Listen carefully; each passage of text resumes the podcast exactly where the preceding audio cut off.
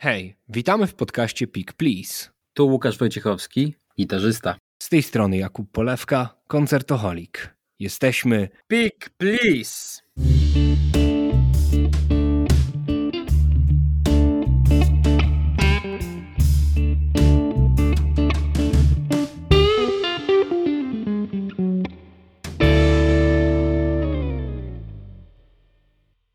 Dzień dobry Państwu, witamy w kolejnym odcinku podcastu Pick Please. Jest to trzeci akt naszej trylogii, czyli już ostatnia prosta.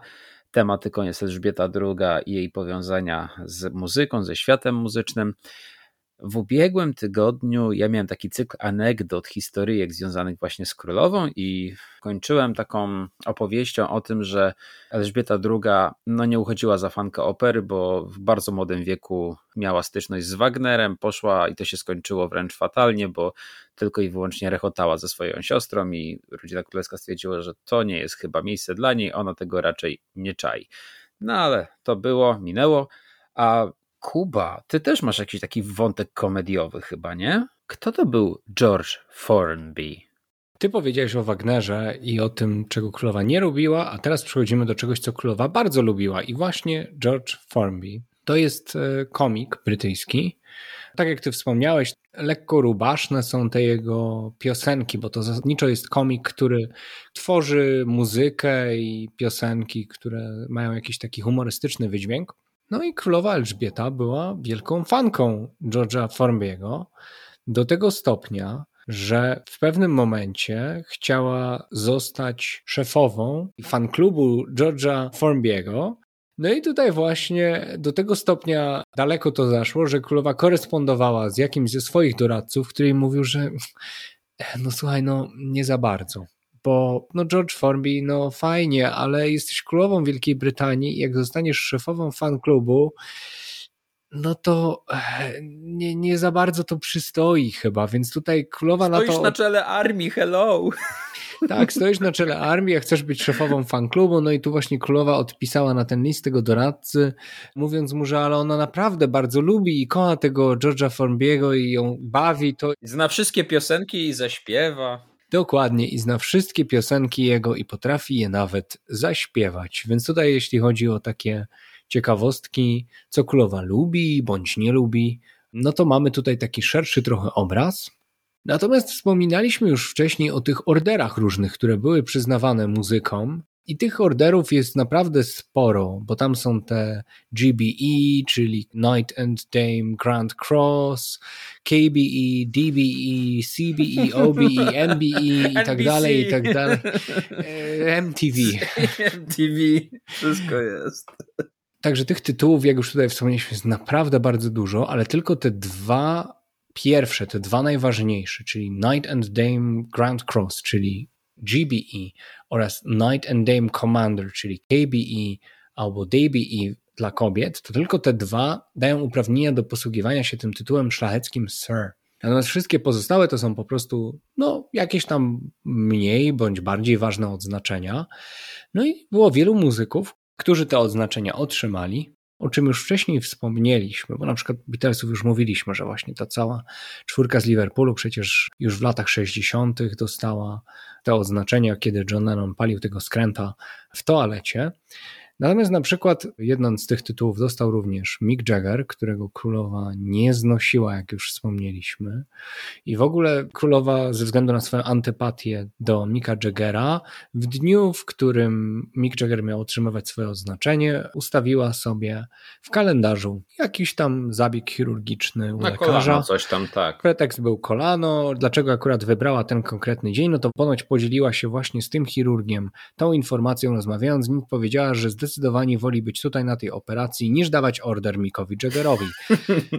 Interesująco widać po prostu ta uraza związana z jej siostrą i tym domniemanym romansem gdzieś tam głęboko w sercu u niej pozostała. Natomiast tych tytułów było naprawdę sporo. Dostał je oczywiście Elton John na przykład, który wielokrotnie występował dla królowej w pałacu Buckingham na różnych przyjęciach. Dostali go również Brian May i Roger Taylor z Queen. Brian May w ogóle w 2005 roku występował na dachu pałacu Buckingham grając utwór God Save the Queen, więc to już w ogóle jakiś no, chyba najwyższy poziom w ogóle. Ale nie tą wersję Sex Pistols, oficjalny w zasadzie hymn, prawda? Nie, nie, nie, to nie, a to był numer, o Jezu. Nie, nie, nie, nie, nie. Oj, nie, nie, nie. No i dostali to na przykład również panowie z Bee Gees, Rod Stewart, David Gilmour i Nick Mason, tam w ogóle też była taka historia, że Nick Mason dostał to jako drugi, a Gilmour jako pierwszy z Pink Floydów. No i tutaj oburzenie się pojawiło, no przecież David Gilmour dołączył do zespołu później i w ogóle wcześniej powinien dostać Mason, a prawdopodobnie i Roger Waters, he, he, he. no myślę, że jednak nie. Nie dostał.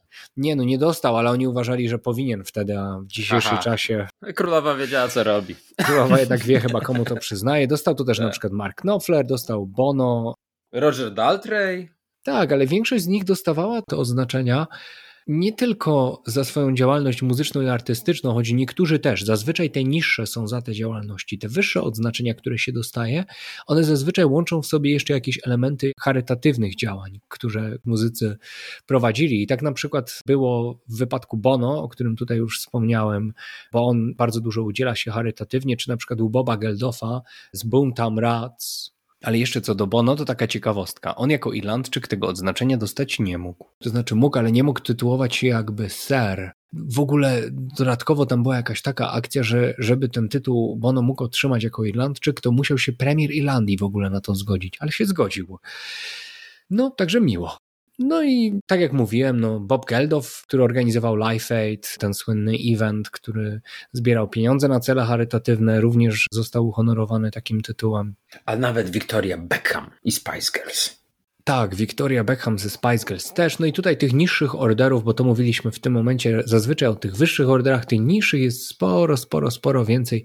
Van Morrison, Tom Jones, ty już wspomniałeś Daltreya, ale na przykład Robert Plant również. No, większa, większa część tych znanych brytyjskich muzyków, których się kojarzy, to oni gdzieś tam któreś z tych odznaczeń niższego stopnia otrzymało za swoją działalność artystyczną i jakby krzewienie kultury brytyjskiej. Natomiast wiem, że byli też tacy muzycy, którzy tych tytułów odmówili. Tak, i powiem Ci szczerze, że podzieliłem ich sobie według pewnych kryteriów. To znaczy, ja mam wrażenie, że można powiedzieć, że są dwa obozy. Pierwszy to jest team David Bowie, a drugi to jest team John Lennon George Harrison.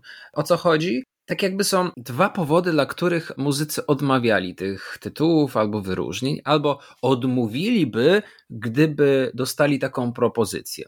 I jeśli chodzi o Davida Bowiego, no to sprawa jest prosta, ale całkiem dyplomatyczna. To znaczy, on nie przyjął tego CBE, bo on przyjął takie dyplomatyczne wytłumaczenie, ale ono jest bardzo logiczne i jednocześnie to nie jest chyba dobra mina do złej gry, albo na odwrót. Mianowicie David Bowie nie wie po co. W sensie, co to znaczy, nigdy się o coś takiego nie starał, nie wie w ogóle jaki to ma wydźwięk, nie ma zielonego pojęcia, co to ma oznaczać, czy on jest jakiś taki, owaki. Generalnie on tego w ogóle nigdy by nie przyjął, bo on nigdy o tym nie myślał i uznaje, że mu to nie jest w ogóle do czegokolwiek potrzebne. I na przykład Paul Weller ma dokładnie takie samo podejście. To znaczy, nie chce, no bo to jest trochę nie na miejscu. Zresztą on się wypowiadał nawet przeciwko tak rodzinie królewskiej wiele razy, więc no tak zasadniczo, no, no nie, nie, nie, nie. No trochę to by byłoby dziwne, gdyby teraz uklęknął, prawda, przed królową. No a z kolei George Harrison na przykład i John Lennon to są osoby, które, tak jak wspominałeś na początku, były uhonorowane, ale to były jeszcze młode chłopaki i nie do końca czaili, co się dzieje na świecie. Znaczy nie mieli tam jeszcze poglądów politycznych, żadnych wyrobionych ze względu na młodość. Natomiast Harrison, który już właśnie w tych latach tam 60., czy któryś już miał jakieś tam wyróżnienie, dostał propozycję upgrade'u z tego CBE na OBE, ale on no, odmówił, bo bardzo kochał Indię. Znaczy, bardzo go fascynowały ten kraj, jak on funkcjonuje i był absolutnie urzeczony Gandhim. I on postrzegał ten kraj jako taki, który zmierza ku czemuś, ma jakieś wartości, a no tutaj w Anglii materializm to jeszcze ta historia tych podbojów brytyjskich, no, no nie, nie, nie, nie podoba mu się to, jest to sprzeczne z jego wartościami. A że tak na dobrą sprawę w ogóle mówi kategorycznie nie jakimkolwiek upgrade'om i tytułom, więc bardzo podziękował, ale odmówił. A John Lennon dosyć podobnie, tylko w przypadku Lennona nie chodziło o Indię, lecz chodziło o sytuację w Nigerii. I ty o tym też już wspominałeś rzeczywiście, że on był przeciwny udziałom wojsk brytyjskich w ogóle tam w tej części Afryki, nie zgadzał się z polityką zagraniczną Wielkiej Brytanii, i udziałowi wojsk właśnie w tamtych rejonach. W związku z powyższym, no nie i koniec. No, jest to sprzeczne z moimi również wartościami. On wiedział, że ma już ten wcześniej ten tytuł, to on w ogóle wystosował otwarty list, że się go zrzeka i że ze względu na właśnie sytuację w Nigerii, to on nawet nie chce już, żeby w ogóle kojarzono go z tym orderem, z tym odznaczeniem, które otrzymał wcześniej. I tak na dobrą sprawę jeszcze była jedna taka osoba, która też mówiła wprost, że ze względu na historię właśnie podbojów kolonialnych, to ona nie ma zamiaru się podpisywać pod czymkolwiek i być utożsamiana z establishmentem i z rodziną królewską. Zatem Nitin Sauchney odmówił jakichkolwiek tytułów, ale co ciekawe, po jakimś czasie ten wybitny brytyjski producent, multiinstrumentalista, kompozytor, DJ, autor tekstów zaakceptował swoje wyróżnienia. To nastąpiło dokładnie w 2019 roku. Sytuacja się trochę zmieniła, ponieważ jego ojciec, który w zasadzie umierał, miał mu trochę za złe, że on nie przyjął tego odznaczenia i on to zrobił dla niego. To jest dosyć ciekawa historia, że ktoś właśnie powiedział nie ze względu na swoje właśnie te przekonania takie polityczne, tą świadomość tych historycznych zapędów Wielkiej Brytanii i z tym się nie zgadzał, no ale tutaj ze względów takich trochę rodzinnych właśnie, no można powiedzieć, poszedł za tą wolą ojca. Nie zabrakło również spekulacji odnośnie Johna Lydona, czyli Johnego Rottena, bo okazuje się, że była jakaś plotka, że on też dostanie tytuł, a w zasadzie jakieś odznaczenie, co by było szczytem, no bo jeśli ktoś śpiewa, prawda, o reżimie w piosence God Save the Queen jest utożsamiany jako symbol walki z establishmentem, albo przynajmniej twórczości muzycznej, która bezpośrednio uderza w ten system monarchii brytyjskiej, no to to był John Lydon, no ale pojawiła się taka plotka, niemniej jednak w 2015 roku. No i on to powiedział, cokolwiek chcą tam mi dać, czy to jest OBE, czy jakieś MBE, czy whatever, cokolwiek, nie jestem zainteresowany i tutaj cytuję. Na pewno byś o mnie nie powiedział, że jestem takim dobrem narodowym, gdybyś zobaczył, w jakim stanie mam slipy. I my się zgadzamy z tym, że to nie jest gościu, który powinien dostać taki tytuł. No i także zamykając ten temat, no to cóż, Brian Eno, również znany i lubiany. Nie, dziękuję, nie wiem po co. Ja to w ogóle nie uznaję systemów i hierarchii, to jest sprzeczne ze mną i nie pisze się na takie rzeczy. I Skepta, który jest raperem, odmówił, no ale tutaj zasadniczo nie wiem, kto stwierdził, że on mógłby przyjąć to wyróżnienie, bo Skepta jest z Nigerii. Tak, a cała ta wielka awantura odnośnie Johna Lennona była właśnie związana z wojną domową w Nigerii, gdzie Wielka Brytania maczała swoje palce on jest w ogóle reprezentantem stylu muzycznego grime. To jest taki bardzo specyficzny styl rapu i w ogóle jego koncerty były zamykane przez policję, blokowane, więc no ciężko, żeby on teraz pięknie paradował tutaj z jakimiś tytułami, prawda, jak jest Nigeryjczykiem i pamięta o historii, więc no zasadniczo nie, on się wypisuje z tego biznesu. No tak, czyli mamy sporą ilość muzyków, którzy nie chcieli odebrać swoich tytułów i którzy ich przez to właśnie też nie dostali.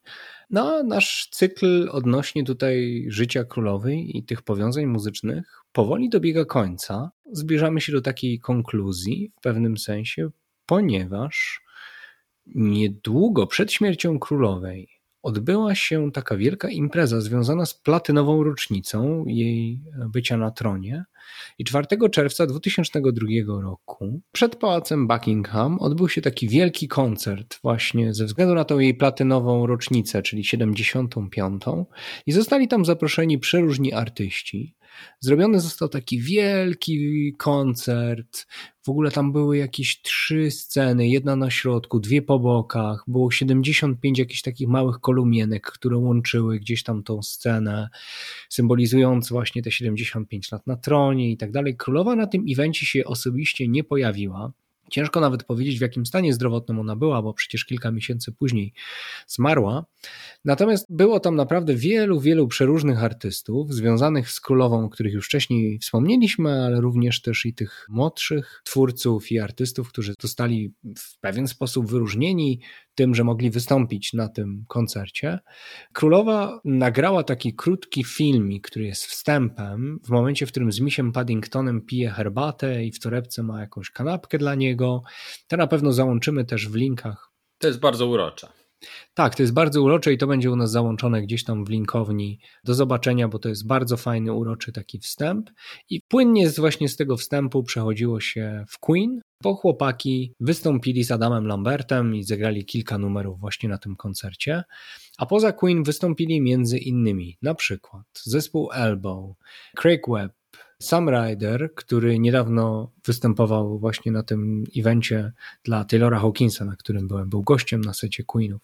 Był George Ezra, popularny w tym momencie piosenkarz pop-rockowy, Rod Stewart, Elton John, Alicia Keys, Hans Zimmer był na przykład, ale również Andrea Bocelli i Duran Duran. Diana Ross zakończyła w ogóle całą imprezę właśnie swoim setem. Ta legenda Motown, funku, R&B. No i ten koncert właśnie taki wielki się odbył. W ogóle bilety na ten event były losowane, to znaczy zgłaszało się wcześniej, że chce się na ten bilet dostać i później było losowanie, kto będzie mógł kupić bilety. Tak trochę na zasadzie, jak też są sprzedawane bilety na duże eventy piłkarskie, na Mistrzostwa Świata czy Mistrzostwa Europy. Więc na tej zasadzie była prowadzona dystrybucja biletów na Platinum Party at the Palace. No a niestety kilka miesięcy później Elżbieta II zmarła no i przechodzimy do takiego właśnie ostatniego elementu, czyli pogrzebu i o muzyce, która była grana na jej pogrzebie. Łukasz? Tak, ale to będzie taki telegraficzny skrót, bo tak jak mówiłem, nie jesteśmy specjalami, jeśli chodzi o muzykę klasyczną, ale oczywiście ona dominowała. Były naprawdę różne utwory znanych kompozytorów, ale to, co chcę zaznaczyć, to fakt, że pojawiły się utwory Bacha, marsze pogrzebowe Beethovena, Mendelssohna i Chopina czyli mamy już tutaj zbiór utworów, które często pojawiają się na no, smutnych uroczystościach tego rodzaju, w szczególności chodzi o marsze właśnie pogrzebowe, one są takim nieodłącznym elementem dużych ceremonii, w tym właśnie królewskich, więc tutaj w odróżnieniu od tej właśnie koronacji mamy kompozytorów spoza Wielkiej Brytanii, w tym oczywiście naszego Fryderyka Chopina Polaka. No i cóż, bardzo ważne zakończenie tego pogrzebu, bo tam się pojawił dosyć nietypowy instrument, przynajmniej dla nas, dla Polaków, ale bardzo bliski królowej Elżbiecie, a w szczególności chodzi też o osobę, która zagrała, i to był taki bardzo ciekawy symbol. Piękny ukłon, dowód takiego uznania, i Kuba o tym opowie i zamknie ten cały cykl królowej, bo to jest bardzo takie wzruszające i umujące historia tego człowieka.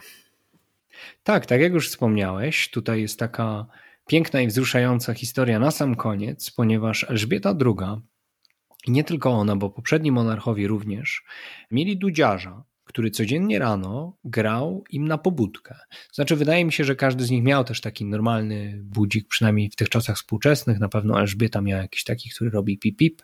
No ale chwilę właśnie po tym normalnym za oknem rozbrzmiewały dźwięki dud. Przez 15 minut taki dudziarz, który właśnie był tym głównym dudziarzem królowej, grał utwory takie na pobudkę dla monarchy. Ta tradycja sięga roku 1843, gdzie królowa Wiktoria po wizycie w Szkocji była tak zachwycona dźwiękiem dud, że stwierdziła, że chciałaby utworzyć właśnie taką funkcję jak takiego naczelnego dudziarza, który będzie grał na pobudkę. No i od tego czasu było 17 takich dudziarzy, którzy wykonywali te utwory. No i właśnie ten dudziarz, który od 2019 roku był właśnie tym naczelnym, wystąpił na koniec pogrzebu królowej i w ten sposób było to zrobione, że on stał w jakimś takim miejscu tego Westminster Abbey, w takim przejściu jakby, z którego grając udawał się na tyły i wychodził tak z budynku i ten dźwięk tych dud i tych utworów, które on grał na pożegnanie jakby właśnie tak odchodził w dal w taki sposób symboliczny jak królowa, która też właśnie teraz odeszła.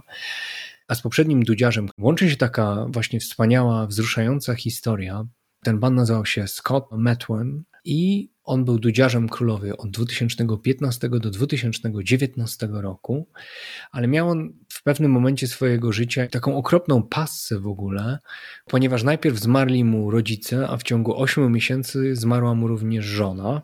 I on był właśnie taki strasznie zdewastowany tym i nie umiał się pozbierać i tak dalej. I w pewnym momencie królowa, wiedząc, co się stało w tym jego życiu prywatnym, zwróciła się do niego i powiedziała mu: dudziarzu, wiem, co u ciebie się dzieje. Jeśli jutro nie będziesz się czuł na siłach i nie usłyszę twoich dud, to jest ok i nie przejmuj się. A jeśli by ktoś pytał później, dlaczego cię nie było i co się stało, to powiedz, że dostałeś moje pozwolenie na to, żeby nie wystąpić tego dnia. No w wypadku takich oficjalnych ról, właśnie jak naczelny dudziarz, no to nie ma czegoś takiego, że można sobie gdzieś tam dowoli pewnie brać urlop i tak dalej. No więc tutaj ta historia jest taka wzruszająca, taka trochę ludzka strona królowej, jeśli chodzi o to. No i właśnie w ten sposób królowa również została pożegnana na tym swoim pogrzebie, właśnie przy dźwiękach tut. A przy jakich dźwiękach my się żegnamy? My się żegnamy przy dźwiękach naszego outro jingla.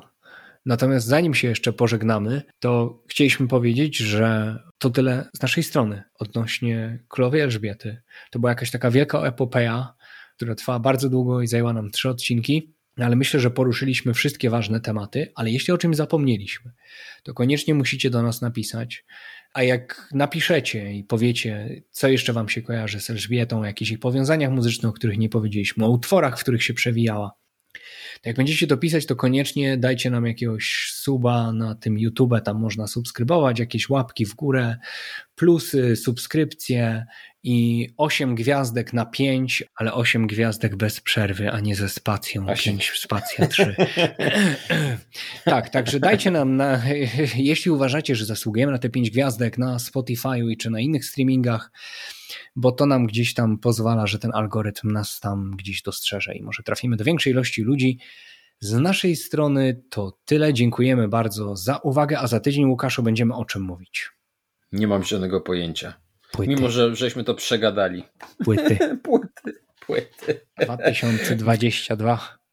Płyty 2022. Tak, zbliża się koniec roku, będą postanowienia noworoczne, ale muszą być też postanowienia poroczne. Więc spróbujemy przeanalizować, co się działo muzycznie w tym roku, który minie dosłownie za miesiąc, patrząc na to, jaką dzisiaj mamy datę w chwili nagrywania, i spróbujemy jakoś systematyzować i polecić płyty totalne, ostateczne i wybierzemy nasze topy, jeśli chodzi o wydawnictwa, które przesłuchaliśmy i których premiera miała miejsce właśnie w 2022. Dokładnie tak. Jakub musi okroić, wybrał 10 albumów, które były przyzwoite. I teraz musi to ograniczyć do pięciu. A nie wiem, jakoś ten rok był felerny, ale o tym będzie za tydzień. Także do usłyszenia. Zdradziłeś. Trzymajcie się. No, no zdradziłem. No, to, no, no ale dobra, tak to no. jest. Ale my musimy przesłuchać jeszcze raz te płyty, moim zdaniem. Ja wiesz. już jestem na takim lubku właśnie. Już, już jesteś, tak? Okay. Tak, już taki lupik tych albumów właśnie leci, cała pętelka i zobaczymy. Dobra, do usłyszenia. Do usłyszenia.